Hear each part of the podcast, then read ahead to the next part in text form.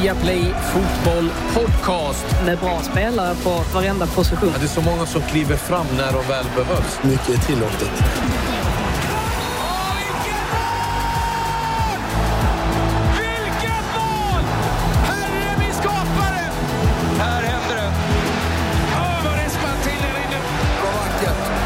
Nej, bästa dagen på året. Det största som har hänt fotbollen någonsin i princip. Jättevälkomna ska ni vara till Viaplay Fotboll Podcast. Avsnitt 30 är vi uppe i och eh, ja, det börjar likna någonting nu Jonas. Hur eh, står det till? Det är bra tack. Jag har hunnit med en, en paddel här på morgonen. Fortfarande lite tagen av Champions League-omgången. Tyckte det var fantastiska matcher. Uh, och, ja, nu är det kul att sitta här med det. Mm, härligt. Gick padden? Bolin Gick, hur gick padden? Det gick bra. Jag bör, jag börjar komma upp på en niv- nivå som um, ger självförtroende och lite, lite hybris också. Tror, tror fortfarande jag är bättre än vad jag är, men, men jag börjar ändå närma mig min självbild. Det gäller alla paddelspelare. Jag har inte hört någon som säger att ah, men jag är inte så bra, utan alla är världsklass. Eh, så är det. Och så har vi Frida med på länk idag. Ja, Hej hej! hallå, vad spännande. Kul att se er, alltså på, ja, i dubbel bemärkelse digitalt. Mm, precis. Hur är läget med dig? Är det bra? Det är bra, eh, absolut. Som sagt, eh, det börjar ju, tycker jag säger det varje gång, att det, det, det går åt rätt håll. Men nu känns det ju väldigt nära i alla fall att eh, puben är är en halv vecka bort. så att jag laddar för fullt och eh, känner mig eh, oerhört eh, exalterad och eh, upprymd. Det finns ingen i England som längtar efter helgen. Eller första gången någonsin man längtar efter måndag. Ja. Det är onödigt att fråga också. När man ställer frågor så, ja, men hur mycket av England är öppet? Liksom. Det är en fråga som bara behöver ställas. Är pubarna öppna? Nej, Nej. då är det lockdown. är de öppna? Men då är livet som vanligt. på ett sätt. Varenda gym kan vara öppet, Ja, det spelar ingen Ja, roll. nej, det är sekundärt. Ja, vi har mycket att eh, gå igenom. Vi har bland annat en intervju med Jonas favoritmittback Harry Maguire som bland annat pratar om målvaktssituationen i Manchester United. Vi tar och kollar in topp 4-striden. Vilka är det som har bäst schema av lagen som slåss om Champions League-platserna? Och så bjuder vi även på en intervju med Brendan Rodgers. Mm. Så mycket att se fram emot, eh, men eh, vi börjar som vi alltid gör, senaste nytt med Frida. Ja, men precis. Vi får väl börja med eh, Kevin De Bruyne kanske, som har skrivit på ett nytt kontrakt på hela fyra år, vilket innebär att det inte är omöjligt att han faktiskt avslutar karriären i Manchester City. Och fattig blir han inte heller, för att dealen ska vara värd mer än hans nuvarande kontrakt som, som ger honom 300 000 pund i veckan innan bonusar. Och han ska för övrigt ha förhandlat fram det här utan en agent närvarande, vilket är väldigt ovanligt nu för tiden. Eh, och sen har 29-årige spanjoren Eric Alonso, eh, han är på väg att köpa Derby. Eh, klubben meddelade under gårdagen att man har nått en överenskommelse med Alonso som är ägare av sportföretaget No Limits Sports Limited. Jag tyckte det var väldigt svårt att, säga. Eh, det enda som återstår nu i alla fall är att IFL ska godkänna övertagandet också. Det var nästan motsägelse. No limit sports. Ja, jag tyckte också det. Och jag försökte kolla upp vad, vad exakt de gör, men jag förstår inte det nu heller. Jag har ändå läst en beskrivning av företaget. Så jag vet inte om det är något fuffens på gång, men oavsett så har han tjänat en massa pengar på det så han kan köpa en fotbollsklubb. Eh, så vi får se hur det går. Eh, Dublins status som en av världsstäderna för eh, EM i sommar är hotad. Det irländska förbundet kan inte garantera att man kommer kunna släppa in så pass många fans som Uefa önskar. Så därför har föga förvånande England blandat sig i. Och de vill ju jättegärna att Wembley ska få ännu fler matcher. Och eftersom detta skulle påverka Sveriges matcher så är i alla fall jag positivt inställd till det här förslaget. Men vi får se hur det blir. Man har i alla fall svårt att säga att det kommer att bli så många värdstäder som eh, Uefa eh, hade planerat att det skulle vara. Och sen så får vi faktiskt reda ut vad som egentligen hände när den assisterande domaren Octavian Sovre eh, jagade efter Erling Haaland i eh, spelartunneln efter matchen mot Manchester City för att få hans autograf. Eh, Sovre fick ju massivt med kritik. Eh, men det visade sig att han samlar på autografer som sen auktioneras ut varpå hela beloppet sedan skänks till en organisation i Rumänien som hjälper människor med autism. Eh, Så jag- känner ju själv personligen att det är svårt att vara lika kritisk mot honom, eh, alltså när man har den faktan. Eh, Ja, så det var väl eh, lite grann av varje. Jag antar att Claes har en massa att, att tillägga. Ja, men lite, lite har jag i alla fall. Vi har ju pratat om det här semi-automatiserade offsiden och nu har Wenger gått ut och eh, sagt att det kommer vara helautomatiserat förhoppningsvis fram till VM 2022. Då blir det en liknande eh, sak som Goal Line Technology. Det bara piper till i den assisterandes eh, domars klocka och så får man eh, direkt svar på om det är offside eller inte, vilket då givetvis kommer att förkorta den tiden och ett stort steg framåt vad det gäller VAR, så att vi hoppas att det där kan funka. Vi har eh, Jesse Lingard. Enligt The Mirror så har eh, Manchester United satt en prislapp på 30 miljoner pund för West Ham att köpa loss honom. Väldigt billigt var min första spontana ja. reaktion. Det säger väl en del om hur eh, priserna har skenat iväg, men eh, ja, är det en siffra som stämmer så tror jag att West Ham kommer att slå till. Leonardo, sportchefen i PSG, gick ut och sa att eh, han snart hoppas kunna presentera väldigt goda och glada nyheter för PSG-fansen vad det gäller Mbappé och eh, Neymar. Och eh, ja, det är klart, är det så att de kan förlänga avtalen med de två, då är det ju givetvis PSG som sitter väldigt glada och eh, nöjda. Glad och nöjd är nog också Robbie Savage, hans son, har signat på ett avtal med Manchester United. 17 år gammal. Charlie har skrivit proffskontrakt med eh, Manchester United. Det blir intressant att följa den karriären. John Terry var nog inte lika nöjd. Han satt igår på Instagram och bad om att eh, Sky skulle ta över Champions League-sändningarna. Robbie Savage var expertkommentator under den matchen. Så ja, eh, ingen kärlek mellan Robbie Savage och John Terry, så mycket kan vi väl konstatera. Det var vad jag hade på nyhetsfronten. Eh, vi går väl direkt till det som eh, hände här i veckan, tisdag och onsdag. Då var det spel i Champions League. Här kommer De Bruyne. Han har Foden med sig, han sticker ner den på Foden och Foden har alternativ där framför mål, men den hamnar ju på Mares högerfot och till mål! Den hamnar bra där. Bellingham, Haaland fram till Royce. Och Royce har kommit in i ett friläge och Marco Royce i mål! Royce 1-1! Där är Gündal och släpper tillbaka bollen! Och Phil Foden mäta! Den chansen missar han inte. 90 matchminuten, 2-1 City. Kommer en längre boll mot Vinicius. Titta på nedtaget! Titta på Vinicius! Det är 1-0! Kroos tittar upp så kommer en sån här lång härlig boll från Kroos igen och titta där och Asensio och Alisson bänker är på mellanna och det är 2-0 eh, och det hängde i luften. Fint gjort. Det ser riktigt spännande ut nu för Liverpool som kommer i fyra mot fyra läge. Jota! Och där är vi Salah! Och där har vi mål! Benzema. Modric. Modric till Vinicius. I mål!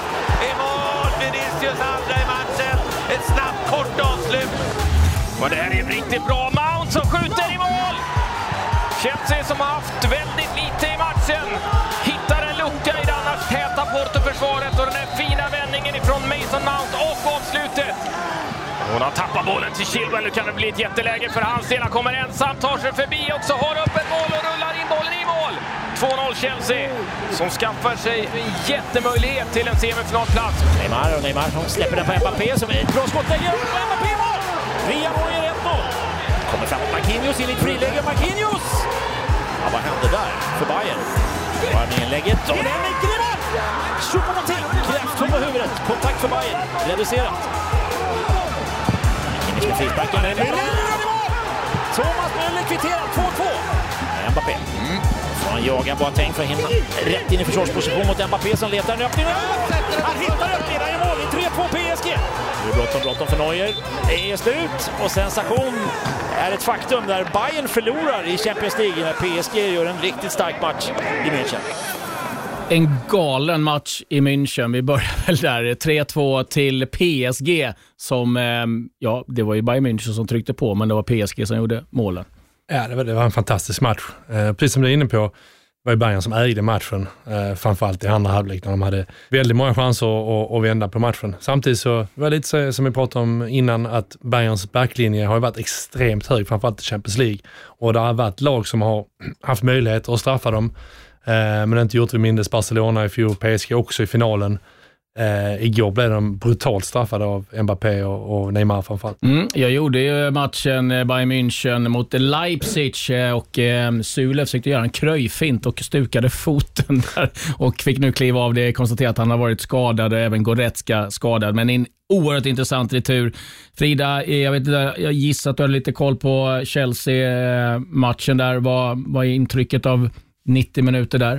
Eh, och att det inte riktigt blev den matchbilden som eh, Chelsea nog hade trott. Eh, och att eh, man slogs av att Atletico Madrid verkligen körde en helt obegriplig taktik i sitt hemmamöte när de mötte Chelsea. För att precis så som som Porto tog sig an Chelsea på nu, eh, det är ju så man ska göra. Eh, man ska sätta press på dem. Eh, man ska se till att de inte får hålla i bollen för att det är ju det Chelsea vill. Eh, de har ju nästan, eller de har ju anammat samma approach som Manchester City exempelvis. Det här med att Guardiola alltid säger att så länge du håller i bollen så kan inte motståndarna göra mål. Chelsea har ju faktiskt också varit mycket åt det hållet att de har hållit i bollen och det har ju bidragit till att de har eh, eh, kunnat eh, ja, alltså hålla så många nollor som de har gjort.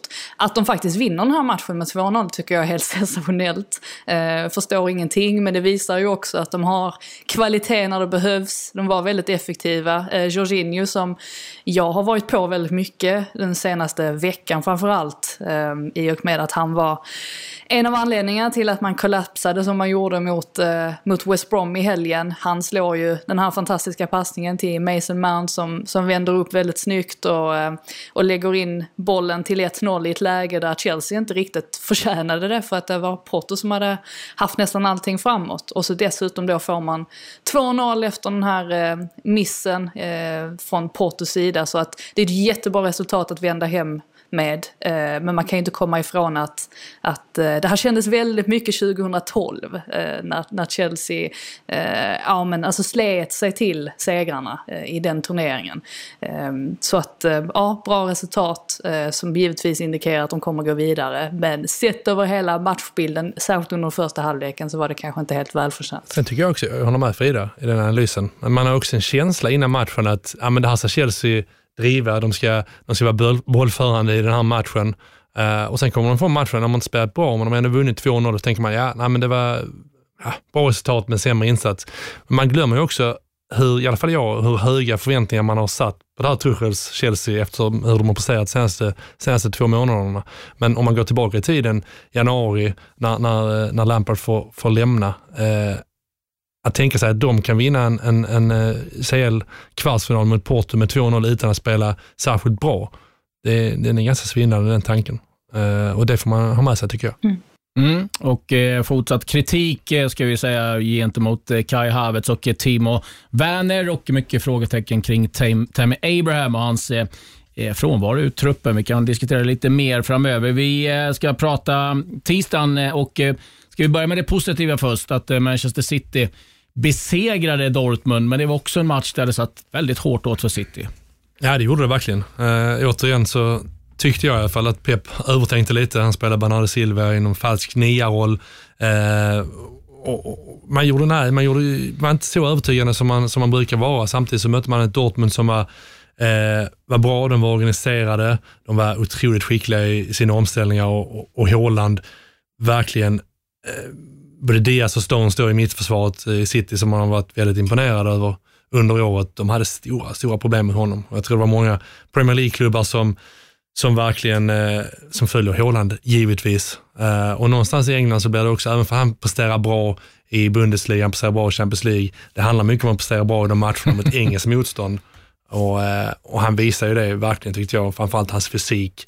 Jag minns det här djupledslöpet när han, när han eh, eh, löper mellan mittbackarna. Diaz kommer upp jämsides, han bara stångar bort honom och, och kommer till avslut. Så att, eh, det var en, eh, en match som City ägde, men Dortmund hotade dem och med tanke på resultatet så, så är det öppet i returen tycker jag. Ja, verkligen. Eh, det blir lite darrigt här för Manchester City och riktigt darrigt blir det Frida för Liverpool. 3-1 förlust mot Real Madrid och eh, det var inte mycket som var positivt att ta med sig från den matchen. Nej, den eh, största förloraren på ett sätt är ju Trent Alexander-Arnold som fick ett litet uppsving efter matchen eller under matchen mot Arsenal i helgen och man började prata om att kolla här, Gary Southgate gjorde helt fel som lämnade honom utanför VM-kvaltruppen. Och så kommer den här insatsen som kanske visade då varför Southgate inte tar med honom i truppen. Att han har vissa brister defensivt som eh, inte alltid eh, passar alla lag. Det,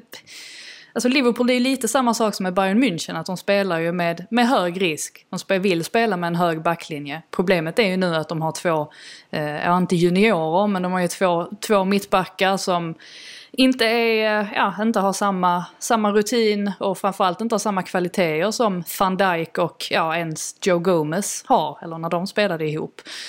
Um, så det intressanta var ju egentligen att Real Madrid anammade ju en taktik som man egentligen hade sett att Liverpool skulle använda sig av. Det här att man motar långa bollar in bakom backlinjen. Det var ju det som Joe Gome eller eh, van Dijk gjorde väldigt mycket. Och även Joel Matip är ju en spelare som var väldigt skicklig på det också, som man ju också saknar. Eh, så att istället så blev, blev ju Liverpool straffade här genom sin...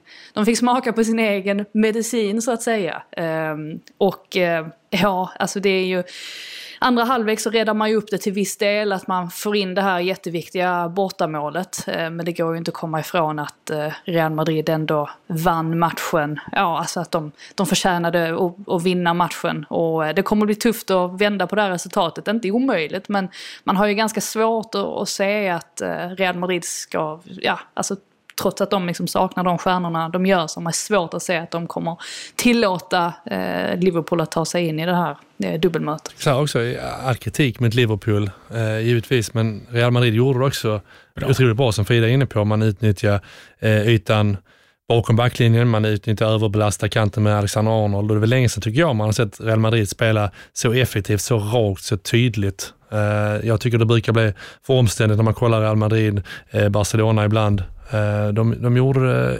enkelt och rakt och ja, vann väldigt rättvist. Och precis som, som Frida är inne på, hade det varit på Anfield med full publik, ja, men det hade kanske varit något annat i, i returmötet, men, men jag ser det som, som väldigt svårt att Liverpool ska reda ut här. Eh, nej, jag vill bara säga att det, liksom, det dödar väl lite grann myten om att Zidane bara är någon mysgubbe. Eh, han är ju ganska tydlig med att det är liksom en, en, en smart idé han gör här. Mm, nej, verkligen, och, och, och all cred till, till Real och, och Vinicius framförallt kanske som, som Eh, Eh, som gjorde det på, på, på ett otroligt bra sätt. Och precis som du säger, dödar lite myten om Zidane, dödar också myten om att, om att de här större lagen inte anpassar sig efter motstånd. Att de, att de eh, det som för Frida är inne på, det är väldigt, väldigt tydlig matchplan de går ut med och, och, och följer den till, till punkt och pricka och det är därför de vinner rättvist också. Mm. Jag, tänker, ja, men jag tänker när vi har en, en, en, en mittback här som kan svara på frågor. Alltså hur, om vi tänker att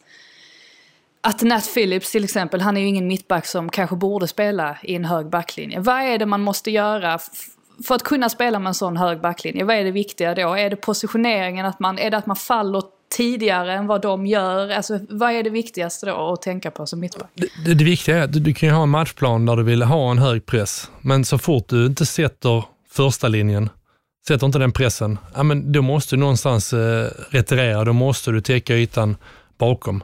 Eh, sen har det också att göra, det har också att göra såklart med, med hierarki i laget. Philip som är inne på, ja, men det är en sak om du har en, eh, har en mittback med, med en tydlig ledarroll i laget. Ja, men då kan han korrigera det på planen. Ja, men nu, nu blir vi straffade, nu får vi dra oss tillbaka. Eh, där ser jag det stora problemet är att man saknar de här eh, inte bara spelarna som, som van Dijk då, Matip som, som kanske har det här mer, eh, alltså snabbheten i sitt spel, men du saknar också ledarna som kan någonstans ta de besluten på planen och, och korrigera det och, och, eh, och retirera. Du måste, du måste kunna göra det under en halvlek. För att, som vi såg i den matchen, men i halvlek, är det, eller i halvtid så är, så är det för sent. Uh, och, och eh, Det är någonstans också, Liverpool har ju så tydlig, tydlig spel i det. Man har offensiva ytterbackar och eh, helt plötsligt dra, dra ner dem och, och, och det, det är, det är, inte lätt och det är ännu svårare tror jag när du, när du tar in mittbackar som inte är vana att spela där, som kanske inte har den här eh, högre hierarkin inom laget. Jag tror det är mycket, mycket anledning. Mm. Men det, det menar jag lite grann, hade det varit en van Dijk så hade han vågat ta ett beslut på planen, grabbar vi faller ner. Mm. Du menar att Phillips och Kabak känner lite grann att jag vill inte gå mot coachen Nej, här. nej exakt. exakt. Och, och Det är också det här liksom att, att göra dig auktoritär på planen. Eh, precis som jag säger, kanske inte gå emot tränarens eh, matchplan då, men, men inte heller att ta tag i gubbarna och, och säga att nu får vi korrigera detta för det här funkar inte. Och Det har ju också att göra med att det kanske inte finns någon riktigt ledare på, på mittfältet i, i Hendersons avsaknad. Det där kan ju också komma en korrigering. Att, att han, det tycker jag man ser när, hon, när, han, när han spelar, att, att eh, han är väldigt, väldigt följsam i det och väldigt skicklig i den kommunikationen.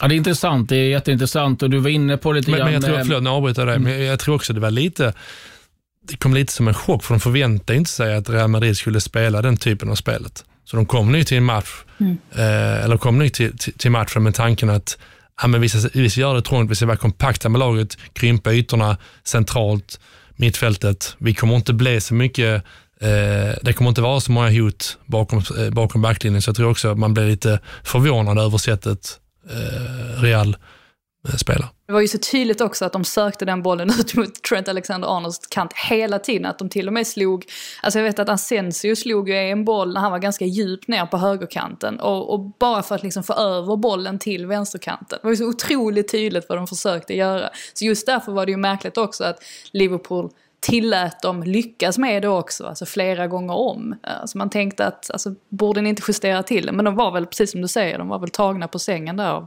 av själva matchplanen. Ja, och sen lite, tror jag, lite psykologiskt också för Liverpool. De har ju haft problem i ligan i år, men de har trots allt en hög svansföring i Champions League. Med all rätta, hur bra de har presterat där även den här säsongen. Och då kommer det också med lite mer bröstkorgen utåt, liksom, ja, men vi ska inte sitta tillbaka, vi ska gå på. Och, och, eh, ja, och då blir du ibland straffad på det sättet de blir. Och jag återkommer till det att det viktiga där är att ha spelare på planen som, som, som tar ledarroller och kan inse det under halvleken, halvlekens tid och korrigera det. Och, och, och där saknar man, skulle jag säga, framförallt ledarkvaliteter. Inte så mycket kanske spelarnas fysiska egenskaper, utan, utan mer de som kan inse det och framförallt kommunicera det med laget. Vi ska ha med oss det också. Du var det inne. Du var inne på det Frida med eh, Trent Alexander-Arnold och eh, med landslagspetningen. På måndagen i Monday Night Football i Sky så var det ju en jättedebatt mellan eh, Carragher och eh, Gary Neville, där Neville då liksom någonstans eh, försökte förklara varför han trodde att Southgate hade petat eh, Trent Alexander-Arnold. Och Det var ju just det här vi såg i matchen mot Real Madrid, att de skulle pinpointa honom. Man möter en Mbappé, liksom en Eden Hazard med Belgien och så här. Och att han då trodde att Southgate inte kommer plocka med honom i EM och, och Carragher av förståeliga själv höll ju inte riktigt eh, med. Så att det, var, det var en het debatt som de hade med sig till den här matchen och så sen då eh, blev resultatet som det blev. Och vi ska ha med oss att Liverpool har gjort ett enda mål på Anfield 2021. Så att de, har, de har lite att bita i. Eh, Men... Bara säga en liten passus med Alexander Arnold. Jag tror att det är en fantastisk spelare, men jag tror att hans försvarsspel kräver väldigt mycket att de första två linorna, mittfältet och, och anfallet, gör det otroliga försvarsjobbet som Liverpool gjorde förra säsongen. Det underlättar väldigt mycket för honom då. Jag tycker eh, den här säsongen när man inte riktigt har, har satt det 100%, ja, men då blir han också avslöjad på, på ett tydligare sätt. Henderson har täckt upp ganska mycket. Ja men verkligen, sen får man ju inte glömma bort att Trent Alexander-Arnold har ju inte gjort någon särskilt bra landskamp någonsin. Och det är väl klart att Southgate, när han tar ut ett lag så går han ju ut efter vilka spelare som har presterat under honom.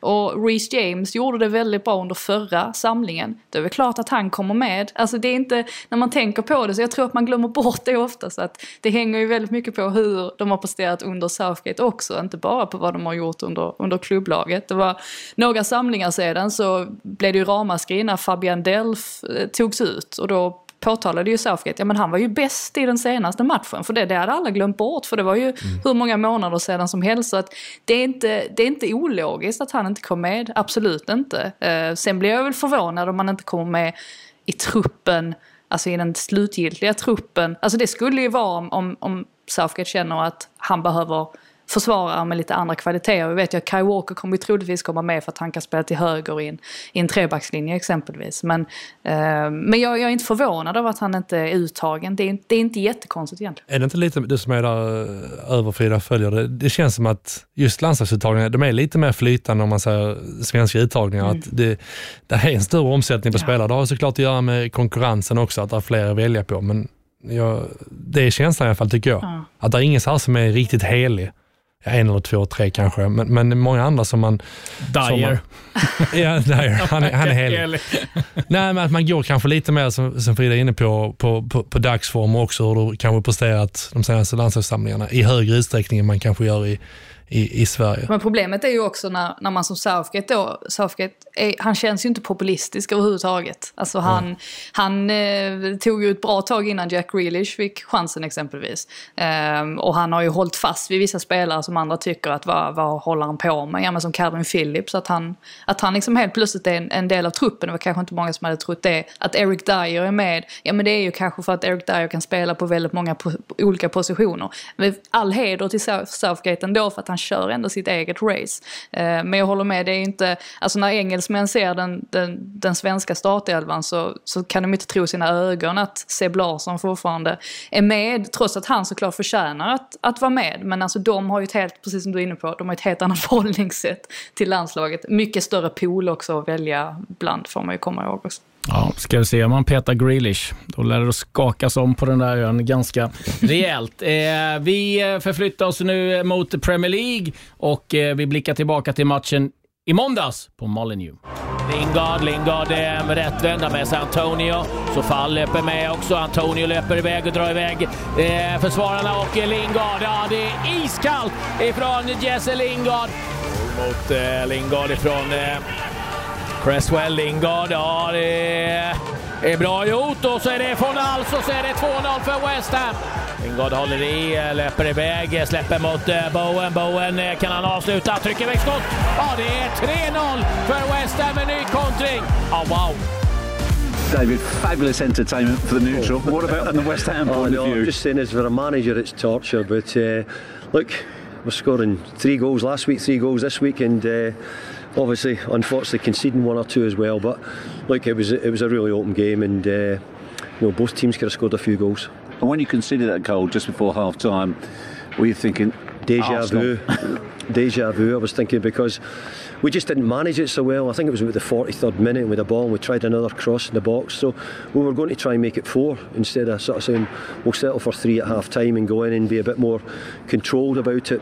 But uh, I've got to say, some of our some of our speed and our attacking play was was fantastic in the opening period. What about the quality of the three goals you oh, scored as well? All three great goals. I mean, like Jesse was Jesse was fantastic in what he done, in, and you know Mickey and Tony had probably played as well as he had done for for a wee while, and certainly in the first 30, 40 minutes or how long it was he was on. So. Uh, look, they done very well, and but look, Wills had opportunities as well. The game was quite open, so that was the way it went. Ja, det var en eh, härlig vinst eh, för eh, West Ham. Det satt hårt åt. 3-2 blev det till slut efter att Wolverhampton kom tillbaka. Men den här gången så red de ut stormen och ja, de fortsätter bara att imponera. West Ham. Ja, det gör de verkligen. Uh, imponerande. Precis som du säger, att de leder ju 3-0 mot, mot Arsenal och, och tappar till 3-3. Uh, och den här matchen, att de får, leder med 3-0, får det här målet emot sig precis innan halvlek, halvtidsvilan det är jobbigt. Man har varit där eh, innan och, och, och, någonstans så, så började, som, som Mojis pratar här om intervjun, det börjar infinna sig en känsla av osäkerhet om en déjà vu-känsla. Men eh, otroligt imponerande att de, att de redde ut det, med viss tur ska sägas, för Wolves var väldigt bra. Men eh, han är inne på det. Det känns som att West Ham har förändrats verkligen under säsongen från början, ja, ganska, ganska bra försvarsmässigt, men man undrar hela tiden var ska målen komma ifrån? Ja, men nu har de otrolig eh, eldkraft där framme med, med Lingard, med Antonio, med Fornals, med Bowen. Så de är eh, absolut på att räkna med, som vi är inne på. Jag, jag, jag tror de kommer att vara med om topp fyra ända in på målsnåret.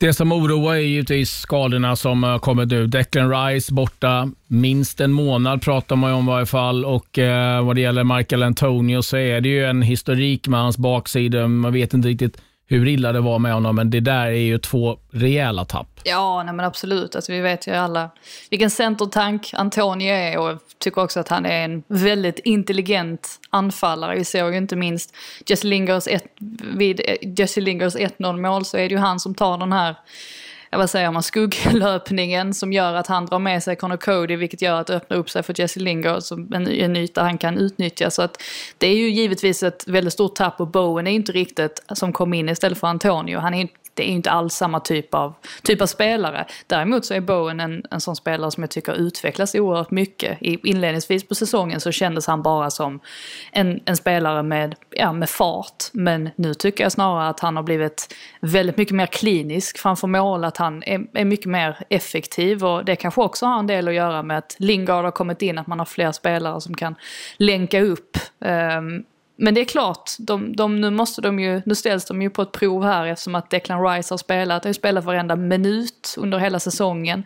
Eh, det är värre än så, alltså han har ju ett helt groteskt facit kring hur många, många spelminuter han har i kroppen de senaste åren.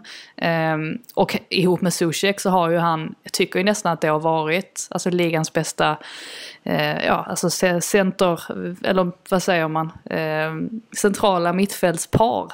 Eh, tycker jag absolut och att de har kompletterat varandra. Och Declan Rice är också en sån spelare som utvecklar sitt spel. Att han har eh, börjat ta sig väldigt mycket högre upp i planen och har bidragit offensivt på det sättet. Så att det ska bli väldigt intressant att se hur de klarar av det. Men som sagt, jag tycker att det finns indikationer på att West Ham, eh, alltså oavsett vilka motgångar så drabbar dem, så går de, går de samman och så tar de sig igenom det. Och det är ju det som imponerar så oerhört mycket med dem. Och det gör ju också att man faktiskt börjar tro att de kommer ta den där Europaplatsen hur sjukt det än låter. Det som jag tycker är intressant det är ju det arbetet David Moyes har gjort. Vi har pratat om det innan. Han tog över West Ham igen ungefär samma tidpunkt som Angelotti och eh, Arteta. Och det har varit mycket lovord för både Angelotti och Arteta, men det är lite så att det fnyses lite grann mot Moyes. Ah, ja, jo. Men... Ja. Men han har ju fått, han har fått en stämpel de senaste åren, egentligen, men egentligen efter United och, och, och, att det inte gick bra där. Så han har fått en stämpel av en negativ tränare, destruktiv tränare som inte, inte får ut det bästa av spelarna. Den bilden har, måste man ju verkligen revidera. För att han har gjort det fantastiskt med, med ganska små medel. Eh, liksom om man jämför med de här klubbarna som är, som är runt omkring, att de är där uppe den här delen av säsongen, det är en otrolig bedrift. Och, och man, får inte komma, man får inte glömma att eh, Moyes stämpel, att, att någonstans när han gick från Everton till United, men då var hela England ense om att ja, men det är det rätta valet, för så väl ansedd var han. Eh, men det är väl också en påminnelse om, om hur mycket färskvara fotbollen är och hur, hur mycket ett felsteg kanske då i din karriär eh, kan, kan göra eh, av den stämpeln du får av det.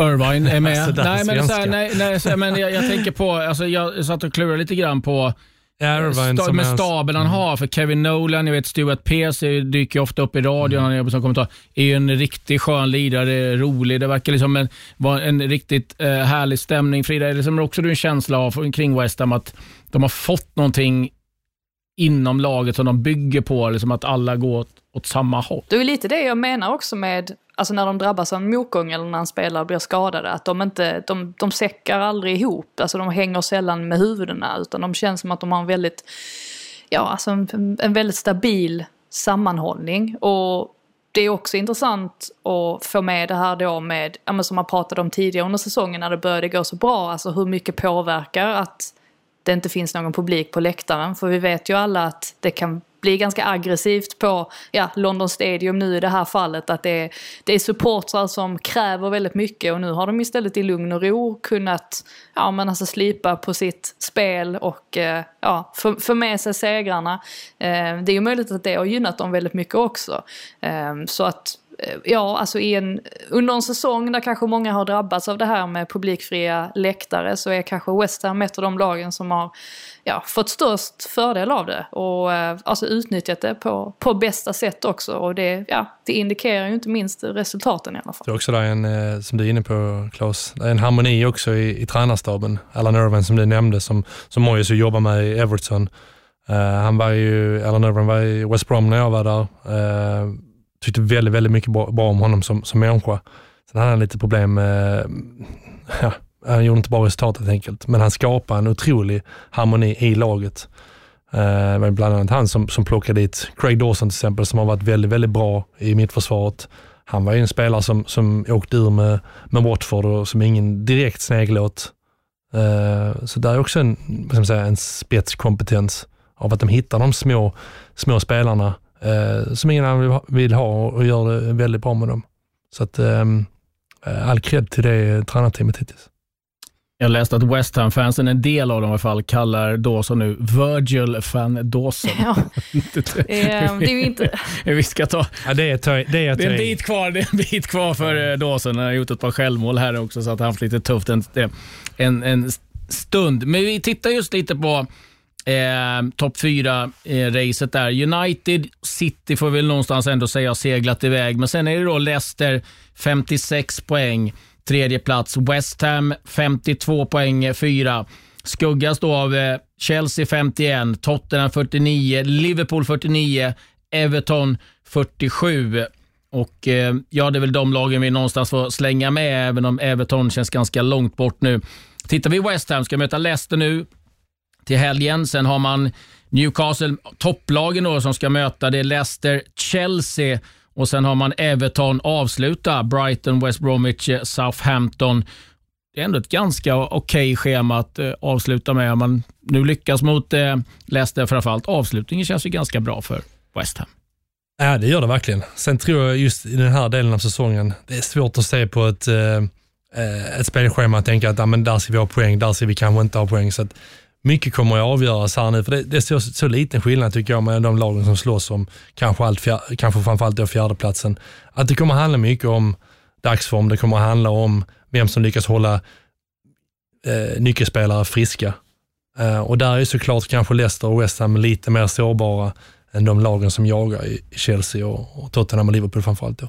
Mm. Liverpool är väl det laget som har bäst schema om man tittar på vad det gäller topplagen. De ska möta Manchester United eh, borta, annars är det ganska behagligt för, eh, för Liverpool. Kan de skramla till här nu eh, och, och få en sån här svit som Liverpool kan skapa fram? Jag avskyr egentligen detta samtalsämnet, eller det här eh, ja, ämnet överhuvudtaget, för att jag tycker det är så himla svårt att, att veta var, var lagen står. för att Särskilt de med Liverpool som man tycker, ja men de blandar och ger varannan vecka. Alltså ena veckan så tänker man nu är de tillbaka, exempelvis som mot Arsenal. Å andra sidan så, ja alltså Arsenal utnyttjade inte alls Liverpools svagheter så att det var väl anledningen till att de föll med 3-0. Um, ehm, men man vet, inte riktigt vad, man vet inte riktigt vad man har Liverpool. De har de här individualisterna som kan göra skillnad. Ehm, de har fått tillbaka Diogo Jota som kan komma in och, och, eh, och göra mål Samtidigt så, alltså om alla de här lagen, om de utnyttjar Liverpools svagheter så tänker man ju att de kanske kommer tappa oväntade poäng liksom de har gjort ju i, i många andra matcher. Så att jag har jättesvårt, att, jättesvårt att, att säga. Jag tror det är helt öppet också, från Leicester till Liverpool. Det är ingen av de lagen tycker jag som känns helt självklara. Det skulle vara Chelsea då, men nu har Chelsea också Champions League att förhålla sig till. Så att eh, jag tror att vi, vi kan sitta här och försöka eh, bedöma och, och försöka tippa, men jag tror vi kan sitta i, i omgång 36 med samma, samma känsla. Och eh, Det ska bli otroligt eh, spännande att följa. Ja, för det är ju så som du... Dels är det svårt att veta hur det ska gå i toppmötena, men sen har man ju de här lagen som ska möta Burnley, Brighton, Newcastle, Fulham som slåss för sin överlevnad. Och det är ju miner. Vi såg ju Chelsea mot eh, West Bromwich. Det var väl ingen som hade trott att de skulle förlora den matchen så klart som de gjorde. Nej, så är det. Och om vi har sett exceptionellt konstiga resultat den här säsongen, ja, men då, då är ju risken större att vi kommer vi kommer absolut få se konstiga resultat de sista åtta omgångarna. Det är liksom, så är det historiskt och så kommer det vara med, med, med tanke på, precis som du säger, att alla lagen är verkligen, alla lagen har ju något att spela om. Det är liksom sex, sju lag inblandade i bottenstriden och, och, och de andra slåss om, om Europaplatser. Det är väl ett par lag i mitten då som, som slåss för värdighet och liknande, men eh, min känsla, min erfarenhet är att och jag, jag har varit mest skyldig till det eh, själv kanske och kollat på, liksom man ligger där i slutet av säsongen och, och liksom dansar på, på linjen. Då kollar man, ja men de här, den här matchen, ja men där ska vi ner poäng och, och den här matchen, ja, det blir svårt. Och sen när man summerar det, Ja, men det är det, det är det ibland de här matcherna man trodde man skulle få något. Ja, men där har man, där har man någonstans kunnat sno till sig en, en trea i de andra matcherna där man, där man känner att ah, här skulle vi vunnit. Så, så det, är, det är otroligt svårt att ha den utgångspunkten. Jag tror det viktigaste är, är någonstans att, att den gamla klyschan, ta en match i taget och, och försöka förhålla sig till det på bra sätt, så bra sätt som möjligt och inte hålla på och räkna och, och, om det laget vinner, om, om vi förlorar den matchen. Det, det blir för mycket i huvudet och, och, eh, och, och en onödig press att, att, att, eh, att lägga på sig själv och på laget. Men jag gillar ju ändå att du erkänner att ni gjorde det. Även om man ja, säger att vi tar alltid en match ja. i taget. så sitter där och kollar och där kanske ändå liksom det går. Och det, det är ju alla skyldiga till. Det är det som är det roliga med, med de här eh, omgångarna som är kvar nu, att man sitter och funderar och klurar och hur ska det gå. Liksom. Ja, och det är Premier Leagues charm också. Mm. Ovissheten i, i att eh, där är inga, det blir mycket klyschor, men det är inga enkla matcher, inte för något lag i den här ligan och i synnerhet inte den här säsongen. Vi eh, får all anledning att återkomma till den här toppstriden. Nu är det dags för Tipshörnan.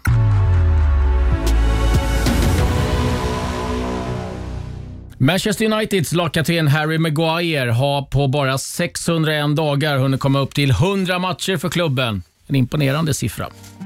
Looking after my body, working hard, um, obviously looking after myself, but obviously the, the staff here and the recovery and the nutrition and everything that goes on at the club, a big part to play as well.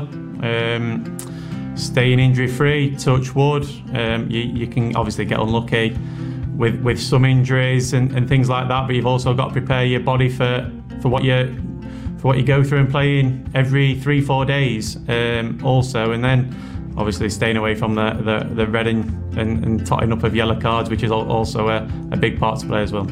Yeah, obviously the, the sacrifices. If you don't make sacrifices, you, you're not going to play at a top level, and for sure you won't you won't stay injury free. So. Um, Obviously, nutrition is a big part of it as well. Uh, recovery the day after the game, and also the second day recovery is a big part of it. Mobility is something that I'm, I'm big on. Lots of stretching, uh, flexibility. Um, yeah, he's, it's definitely a, he's definitely a big part of it. Titta, Son spelar! Är Kane och det är 3 Här händer det grejer. Och! Mina damer och herrar, vi har fem meter på Trafford. Harry Maguire slår ut med armarna. Vilken mardröm den här matchen har utvecklat sig till för Manchester United. Obviously the, the red card in the game changed the game. Um, when the game was at 2-1 for sure we, we, we don't lose the game 6-1 um, if it was 11v11 but as a defender to concede six and to to, to be captain and, and to enable us to really fall apart on that day was disappointing. Um, we've learnt a lot from that game. I think the biggest part what we learned is that when we went down to 10 men, we, we still played like we had 11 men. So we, we, we played, we opened up. I think the third goal, in, I still remember the third goal in the game where we tried to build up from the keeper and we gave the ball away and um, they scored that day. So no, we've come on lots from that game. We learned from it. Um, obviously, I would say that's probably the worst disappointment. Obviously, to lose at Leipzig when we only needed a draw to go through in the Champions League was another major disappointment. Um, but yeah, as a defender, um, I'd say Spurs was probably the worst in terms of a, defending, a defensive unit we, we've performed. Här kommer Pogba som drar till och van de Beek och mål! Manchester United har vänt 0-1. Mason Greenwood med 2-1 målet. Well, first and foremost, for playing for this club, we want to be winning the Premier League. That's the aim. Um, but the main aim was to, to from last season to this season to, to improve. We've got to improve. We know that each year that comes by, we, we've got to improve to enable us to give us the best chance to, to be winning the best trophies and be winning the biggest games. Um, so the improvement from this year from last year to, to this year, um, I feel has been really significant and big. I think the first three games of the season we we didn't perform well, but I think that's a big part of not having a pre-season. We, we come straight off the Europa League, and then I think some of the boys trained trained actually four days before the, the opening game where we, we lost to Crystal Palace. Um, so we probably give away three games there, um, and then after the international break, we come back, and um, yeah, the the focus has been there, the mentality's been there for sure. We still need to improve. We need to improve. We need to get better, um, but I feel like we're on the right track when you're a part of Man United and there's there's always going to come players in, and players who come in, they don't just come there to fill the bench or to fill the squad. Everyone's got ambition to take your shirt. It's the same right back, left back, centre forward, goalkeeper. It's David has had 10 fantastic years at Man United. Of course he has. And he's had challengers who always, of course, they want to play. Sergio, uh, he probably played less games than he, than he deserved. Dean comes in. He also gives it uh, his all and best because everyone wants that place in the team. David does as well, and it's a healthy competition. Of course, it is. All of them want to play. That means that's the same for Lee Grant, and it's for Nathan Bishop, Sergio Romero. They want to play. So, um, and that's that's a competition I like. Well, I think it's. I think obviously every goalkeeper has different styles, um, but when you've got two really top goalkeepers uh, behind you, it makes it a lot more easier. Um, they're both really loud, they're both vocal, they're both organised, and um, like I say, two top goalkeepers, you, you, whoever's playing behind you, you feel really comfortable and confident. Yeah, Dean's brilliant. Um, he's, he's really vocal, he's loud, he's organised, he's a top keeper, he's still young. Um, he's going to obviously He's spent a lot of time this season watching um, David play in the Premier League, so he's got his chance in the seven games. He's done really well, and um, I'm sure he's looking forward to, to the remainder of the season, um, whatever happens. He's obviously only just got, got in the team for a run of games, so um, I wouldn't like to comment too much on, on Dean, but only what I can say about David is he's been a wonderful player. He's for this club, and he still is a wonderful player now. So. No, he's he's been magnificent whenever I've played in front of him. Like I say, um, he's a, he's a top top goalkeeper and he has been for numerous years for this club and um, Dino's probably spent a lot this year and um, a few years watching him and learning from him and um, it can only be it can only be good for Dean. Mm, en del att eh, diskutera kring den här intervjun. Eh, man märker ganska tidigt här eh, när man kommer in på målvaktsdiskussionerna så alltså att det är lite känsligt. Eh, han, han, han väljer sina ord ganska varsamt här. Men jag vet att du och Sebastian Larsson pratade om det i eh, Premier League-studion eh, senast.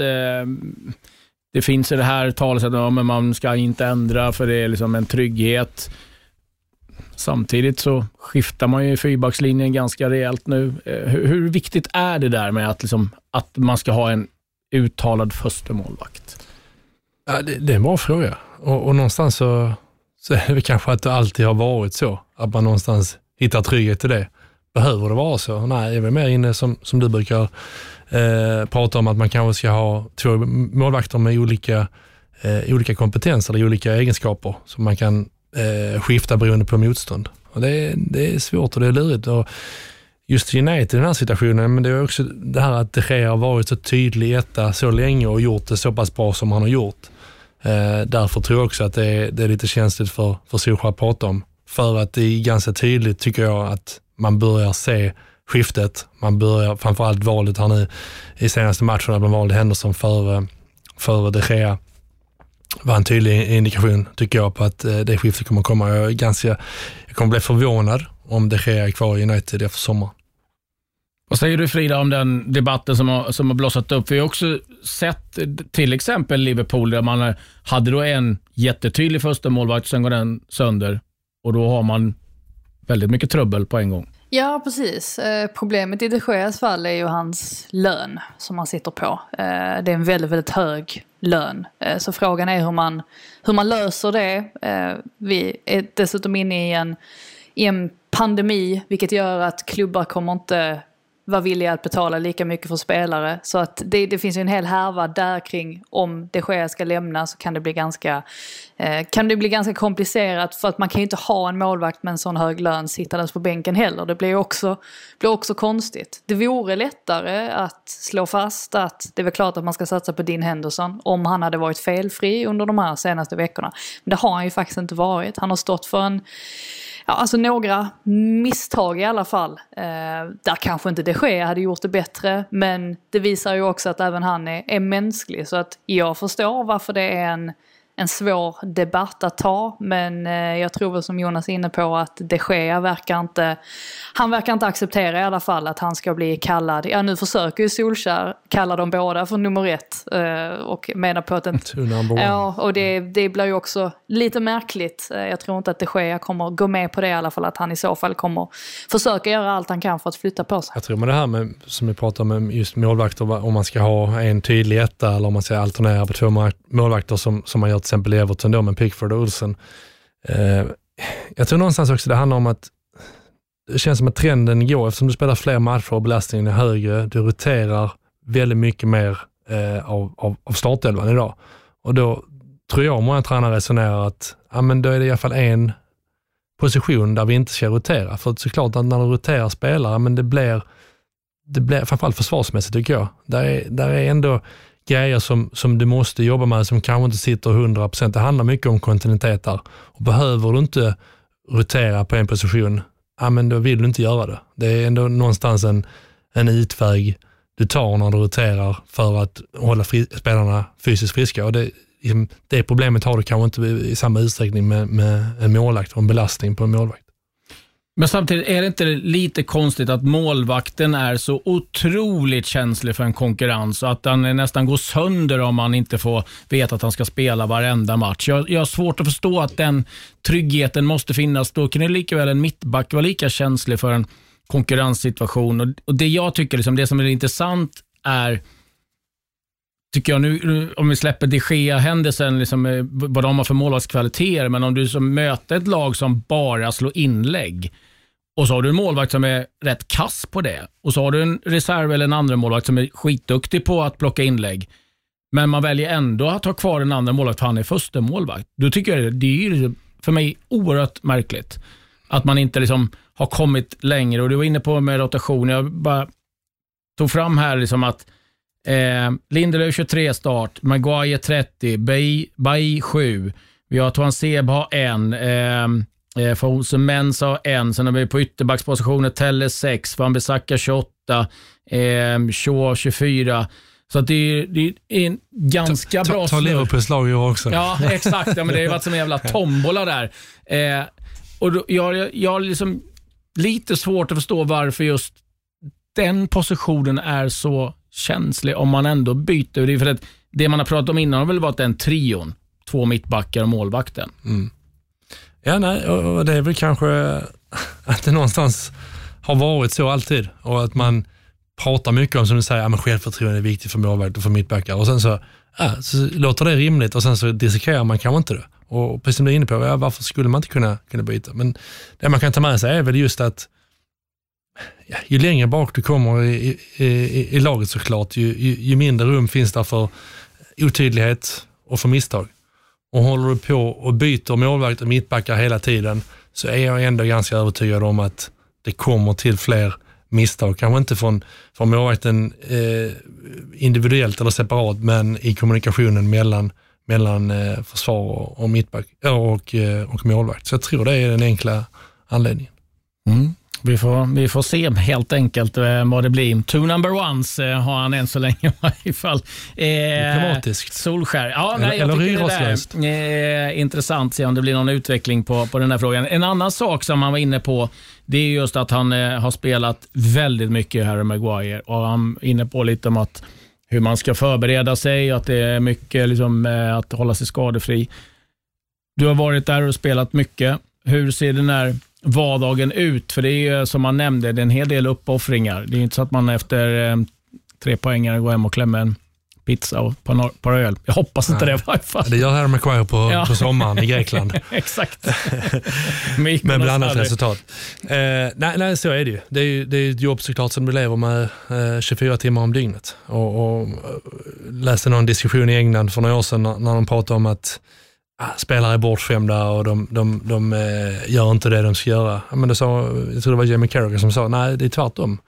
Anledningen till att de här spelarna är på den här nivån, det är just för att de har kunnat offra de här grejerna som man måste offra. De har tagit hand om kroppen utanför träningen. Där är ju skillnaden. Där är ju skillnaden från, från en spelare som, som spelar på en hög nivå i, i Premier League och någon som kanske spelar på en nivå i League 1 eller League 2. Eh, det är jag helt övertygad om att, att, att lejonparten i alla fall eh, eh skiljer sig där. Eh, så det, ja, men det är väldigt mycket så, man pratar om det i intervjun med Maguire, att det handlar om att du tränar, sen tar du hand om kroppen emellan träningarna och, och, och som sagt, 100 matcher på 601 dagar för, för United. Eh, lägg då till också alla landskamper som han spelat, så det är liksom 60, 60 matcher per år. Eh, och det är klart att ska du kunna prestera på den nivån, kan du kunna vara skadefri, ja, men då måste du, då måste du eh, lägga ner den tiden som, som krävs utanför. Sen har man ju andra hjälpmedel såklart idag, men vad hade du för, kanske bara för tio år sedan med det? Eh, De har otroliga team uppbyggda kring eh, återhämtning och rehabilitering. Så att eh, man får en bra hjälp på vägen. Men, men, men det är det som krävs och det är imponerande och det, det tror jag man glömmer ofta när man, när man tittar ibland på, på fotbollsspelare och fokuserar på hur höga löner de har och, och, och, eh, och, och eh, och så här. Det, det är en um, säga, otrolig professionalitet och utanför är det lätt att säga, ja men Johan tjänar så pass mycket pengar, det är klart att det ska vara professionell. Ja, det är många som säger det. Men det är få som verkligen kan, kan bottna i det och det tycker jag är tydligt att han gör. Men kan du ge något konkret exempel på, han pratar om mat och sådär, liksom, vad, vad, liksom, hur ser din vardag ut där? Vad, liksom, vad behövde du göra? Vad kände du själv att du behöver offra? Men, offra offra, det beror på hur man ser det. Men, men om man säger en träningsdag, man frågar sig, ja, hur mycket tränar ni? Vi har ett pass om dagen, det är två timmar. Tänker man så oj vad nice. Då är du inne, då är du inne klockan nio, sen är du hemma vid tolv. Nej, det är du inte. Du är inne åtta.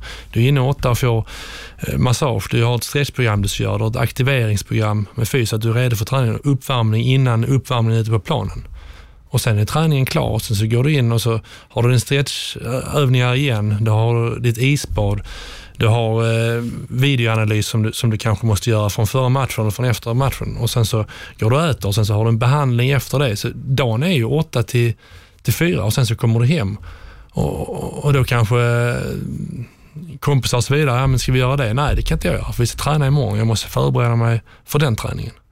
Eh, så det är hela tiden du måste tänka utifrån att prestera eh, till nästa träning, till nästa match. Och det är ju, det är ju liksom ett, ett schema som egentligen någonstans för Harry Maguire, för landslagsspelare i Premier League, som fortgår under hela karriären. Jag, menar, jag spelade där nio år. Jag var aldrig ledig. Jag, jag började försäsongen första juli och sen höll man på utan stopp till sista maj. när det var sista maj, ja, men då hade man en vecka när man var ledig, en situationstecken. Sen var det landslagssamling. Och då var du på landslagssamling två veckor. Och sen hade du tio dagar innan du skulle vara tillbaka till truppen för en ny försäsong. Och de tio dagarna var du inte ledig, utan då hade du ett program för att du skulle vara hyfsat pigg när du kom tillbaka. Så det är ju, det är ju, det är ju verkligen eh, ja, men 100% fokus, 100% dedikation som gäller om du ska spela på den nivån. Och, och eh, Det tycker inte jag kommuniceras så tydligt som det kanske borde ibland när man pratar om spelare och deras bristande professionalitet. Ni, eh, ni körde inte med luktsalt Jonas i West Brom? Jo. De gör ju det i, i Everton. Gjorde ni det? Ja, ja. Före matcher så här. Ja, men, för, men, men, det, finns ju ingen, det finns ju ingen vetenskaplig grund för att det ska fungera, Nej. att man drar några sådana. Nej, man gjorde en hel del som, som inte hade någon vetenskap. Isbad sa de inte heller att det bygger på någon, på någon vetenskap, men det är väl också att jag tror att det handlar mycket om eh, i alla fall för mig, att det handlar väldigt mycket om rutiner. Och kände man att man hade de här rutinerna för varje match, ja, men då byggde man en närhet självförtroende från det. Sen om det inte var vetenskap eller inte, utan det var mer för, för känslan att, att, uh, att man skulle vara förberedd. Såklart. Du har en kropp som kanske inte som är behöver tänka på att du går upp i vikt om du äter fel, men det är andra, kan jag tänka mig, lagkamrater som har det problemet. Har det varit, är det mycket så att man måste tänka på liksom att de måste sitta på att ah, men jag får inte äta det här, jag får inte liksom göra ja, si. Ja. Du, du, du, äter ju, du äter ju merparten av, av dina mål på dagen äter du på träningsanläggningen. Du äter ju frukost där, du äter lunch där, du äter mellanmål kanske innan du åker hem. Och Sen har du förhållningar till vad du ska äta när du kommer hem. Du har ju också i alla fall vi i West Brom är övertygade om alla andra lag har det. Du har så fettmätning, fettmätning och invägning två gånger i veckan. Eh, där de kollar dina, dina värden kring det. Så du, du kan inte fuska. Och, och, och fuskar du då så att du, så att du ligger över det du ska ligga på, ja, men då, då sätts du på extra träning eller på, på annan typ av eh, eh, diet och så vidare. Så, så att de har otrolig koll på det. Är det böter? Men det är, inte, är det böter? Ja, det är böter och det är wall of shame framförallt. och, och det har du med dig på, på semestern, liksom, eh, inom citationstecken. Då. Du, har, du har en semester, ja, men du, du har du också med dig, ja, men den här vikten ska du ligga på när du kommer tillbaka. Det här eh, GPS-mätaren får du med dig och de här träningspassen då ska du göra under ledigheten. Så att du kommer tillbaka och när du kommer tillbaka så ja, då ska du egentligen vara klar och, och köra direkt igen. Så att, eh, det är otroligt kontrollerat, det är otroligt professionellt och det kräver 100% fokus och dedikation från spelarna. Det, det, är lite som Viktväktarna fast man får betalt. Liksom. Det, ja, lite så. Ja. Och, och jag ska inte, jag ska inte sitta här och säga liksom, uppoffringar fel ord. För att, det är vad det kostar att ligga på den ja, nivån. Jag fattar också liksom någonstans att, att eh, olika perspektiv och så vidare, det kan man dra hur långt som helst. Det är klart att fotbollsspelare i Premier League är otroligt, otroligt privilegierade. Men det är det Men som man krävs. ska också, ja, man ska också vända på myntet och, och, och säga att någonstans är det, det här, precis som säger, det här som krävs. Och min erfarenhet, min uppfattning är att det är få spelare som, som verkligen, som, som inte bara säger utan kan göra det också. Och, och, eh, och de spelarna kommer ofta längre på det än vad många spelare gör på, på, på talang. Vad nu talang är, det kan vi ha ett annat, eh, Ett annat poddavsnitt och definiera det. Men, men det är känslan i alla fall. Ja, Jag tycker det var lite intressant bara eh, när, när Zlatan fick frågan på sin presskonferens här för, för någon vecka sedan. Eh, eh, om han hade ett helt team som skötte hans ehm, ja, nej men kost och så vidare, liksom Cristiano Ronaldo har, så, så gav han ju en liten känga till Cristiano och menade på jag tror inte på sånt där. Eh, det, det, det tyckte jag var lite intressant för jag hade trott att han hade ett helt team omkring sig och att det var anledningen till att han fortfarande kan hålla sig i form men det finns uppenbarligen, uppenbarligen olika sätt Jag, jag att, tror också ja. kanske det, det, är en, det är en bild kanske som han också vill förmedla. Eh, Han har väl någon fystränare som har följt med honom lite jag tror, överallt. alltså, min uppfattning är att Zlatan är en av de mest professionella som, som jag har spelat med i det avseendet. Eh, sen så vill ju gärna folk, och det är väl inte bara i fotboll utan i, i alla skrå av livet, man vill, man vill eh, tro att det mycket är liksom medfött, att det finns genvägar till det mesta, men, men så är det ju inte. Det är, liksom kolla på, på Ronaldo, det jobbet han lägger ner, kolla på Zlatan. Det är klart att liksom, Zlatan, är han så fysisk praxexemplar som han är vid 40 års ålder, ja, det är klart att han lägger ner extremt mycket tid på att eh, eh, underhålla det. Jag vet att Maldini spelade upp till den här åldern och sa att eh, jag tränar bara mer och mer och mer ju äldre jag blir, för det är det enda som krävs och aldrig ledig. En annan som jobbar väldigt hårt, det är Leicesters manager, Brendan Rodgers. Yeah. Perfect. Okay, we're both running both cameras.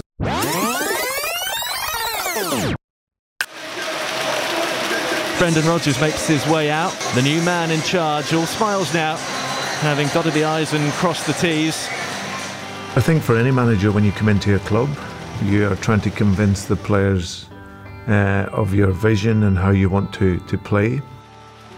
I'd obviously made a, uh, a big move coming from an incredible club like Celtic, but I was really ready for the challenge here. The, the club was in 12th position and I wanted to reclaim a, a winning mentality and, and, and make winning a habit here.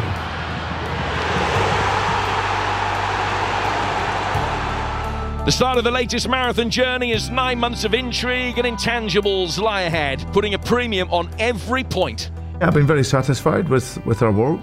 Our idea was to, to come in and, and allow the team to, to play a really attacking, aggressive style of football, to develop young players, to help improve all the players that are here. Our model is based around the development of players, young and old, and developing our facilities. And uh, so I think from a football perspective, from a, from a club's perspective, uh, I've been really pleased with the growth. And uh, like I say, we, we still have a lot of work to do, but it's, uh, it's been really enjoyable. For me, consistency is hard work. That, that, that's the reality. You, you, to be consistent, you have to work hard on a daily basis. And for me, I'm very fortunate here. The players have really bought into what we wanted to achieve, and the mentality has been outstanding. They're very hungry to succeed, and uh, and winning has now become a habit for these players, and and that consistency, winning mentality all comes from hard work, and that's something that uh, that this team is is developing very well. We've been really consistent throughout the season. I don't see us in the top four. We're in a good position, but you're in the top four when the 30th game is is complete. So our fight is to finish as high as we can. We'd love to be in the Champions League, of course, but for us, our aims was European football for the second consecutive season, and if we can do that, then that will be a, a great season for us. It's always going to be very tough for us with the budget, say, of the, the top six teams. But our idea is to challenge that and uh, in a football way and uh, in an economical way. And uh, that is, you know, the, the role here to consistently hopefully do that. Brendan Rodgers, ja Frida, det är ett imponerande arbete han har gjort med detta Leicester. Ja, nej, men absolut så är det ju. Eh, De befann sig ju lite i, eh, jag ska inte säga kris på något sätt, men de hade ju haft svårt att bygga vidare på den här ligatiteln och Claude Puel körde väl fast lite med dem. Eh, Och Brendan Rodgers, precis som du säger, har ju verkligen kommit in och, och styrt upp det där och det kanske, alltså en av de grejerna som man för alltid kommer minnas är väl hur han eh, förändrade Jamie Vardy eller att han, han fick Jamie Vardy tillbaka på banan igen lite grann. Eh, genom att spela på ett sätt som, som passade honom eh, betydligt bättre. Och det, det, det säger ju också väldigt mycket om ja, men hur välskött Leicester är som klubb också. Att man kände att det var rätt att, att plocka in honom. Eh, hela rekryteringsbiten är, är väldigt välskött också. Så att eh, det måste vara en, eh, en, en bra klubb att befinna sig i också som, som tränare. Att man känner att man har uppbackning. Även om man givetvis inte kan vara på nivån som de största klubbarna är så, så kan man i alla fall ligga där precis bakom. Mm. Kan de se till att säkra den här platsen i Champions League så inkommer det ju lite pengar och då har de ändå en chans att etablera sig på riktigt där. Ja, så är det. Jag tycker också man har sett det här året att de är, de är räkna med på riktigt. De har en bredd i truppen. De har saknat tidigare kanske och man har lyckats förhålla sig till de skador man har haft och trots allt gjort väldigt bra resultat i år. Mm, det var vad vi hade att bjuda på denna torsdag. Vi är tillbaka nästa vecka igen och eh, till helgen så är det ju Premier League som eh, givetvis eh, spelas eh, fredag, lördag, söndag och eh, Premier League-studion kommer bland annat bjuda på en eh, exklusiv intervju med José Mourinho, så missa inte det. Med det så säger vi tack och adjö.